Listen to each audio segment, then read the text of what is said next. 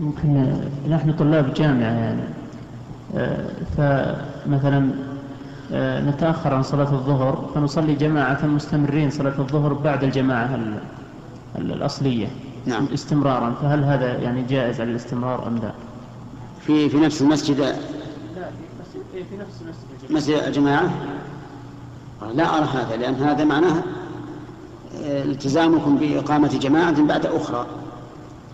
لكن صلوا ما عندكم في السكن ودعوا المسجد لأهله يصلون صلاة واحدة. لكن لو كان مسجد مثلا على الطريق طيب مثلا دائما يصلي في جماعات جماعة بعد جماعة. يعني لا بأس.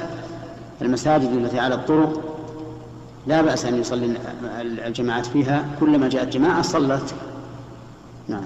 لأن هذه المساجد لا لم تعد لجماعة واحدة بل هي معدة لكل من طرق هذا الطريق.